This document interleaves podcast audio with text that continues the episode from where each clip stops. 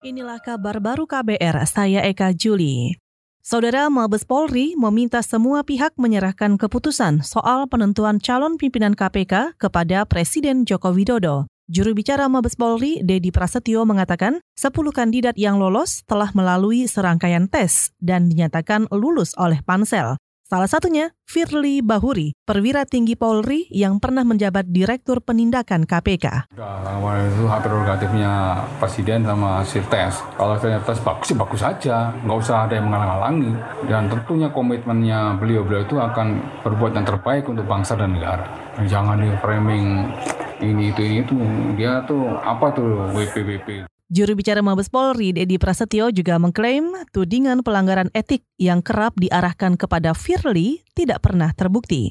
Sebelumnya Firly santer disebut melanggar etik karena melakukan pertemuan dengan bekas Gubernur Nusa Tenggara Barat Zainul Majdi yang menjadi saksi dalam kasus korupsi divestasi PT Newmont. Dedi Prasetyo juga menegaskan Kapolda Sumatera Selatan itu memiliki komitmen memperkuat KPK. Saudara DPR tengah mengebut pembahasan rancangan undang-undang penghapusan kekerasan seksual atau RUU PKS agar bisa disahkan periode ini. Ketua Komisi Sosial DPR Ali Taher mengatakan, panitia kerja rancangan undang-undang PKS masih tergan terganjal belum rampungnya revisi KUHP. Dua rancangan undang-undang itu berpotensi bertabrakan di sejumlah poin. Rencananya, Komisi Sosial dan Komisi Hukum yang membahas RKUHP akan menggelar rapat hari ini untuk mencari solusi. Di samping filosofisnya, sosiologisnya, substansi hukumnya yang perlu mendapatkan pendalaman bersama dengan KUHP. Kenapa KUHP? Supaya tidak terjadi double double pembahasan undang-undang karena menyangkut substansi dalam kait pencegahan, kemudian juga kaitan dengan penegakan dan juga uh, rehabilitasi. Ketua Komisi Sosial DPR Ali Taher optimis rancangan undang-undang PKS bisa disahkan sebelum masa jabatan dewan periode ini berakhir. Meski begitu, ia juga tidak menampik di internal komisi sampai saat ini masih terjadi perdebatan antar fraksi. Pejabat Bupati Cirebon, Imron, menyatakan kawasan Cirebon, Patimban, Majalengka atau Rebana cocok sebagai ibu kota ibu kota baru Provinsi Jawa Barat. Menurut dia, kawasan Rebana sudah memiliki fasilitas memadai untuk menopang pusat pemerintahan, seperti pelabuhan, bandara internasional, dan jalur kereta api rel ganda.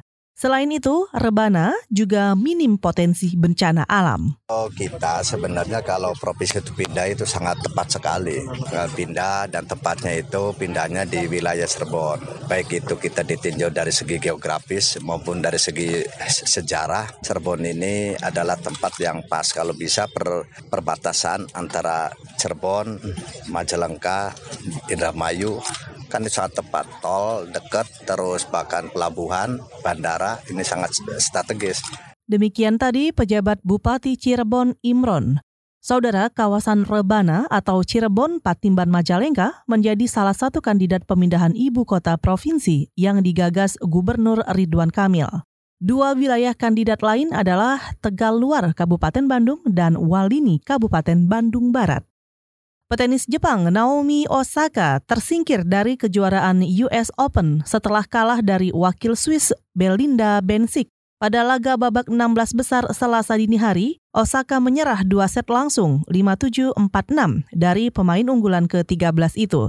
Dengan hasil ini, seluruh unggulan pertama di US Open tahun ini sudah tumbang. Kemarin petenis asal Serbia Novak Djokovic juga terhenti setelah mengundurkan diri di tengah pertandingan akibat cedera bahu.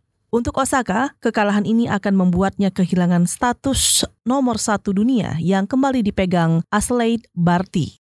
Saudara demikian kabar baru, saya Eka Juli.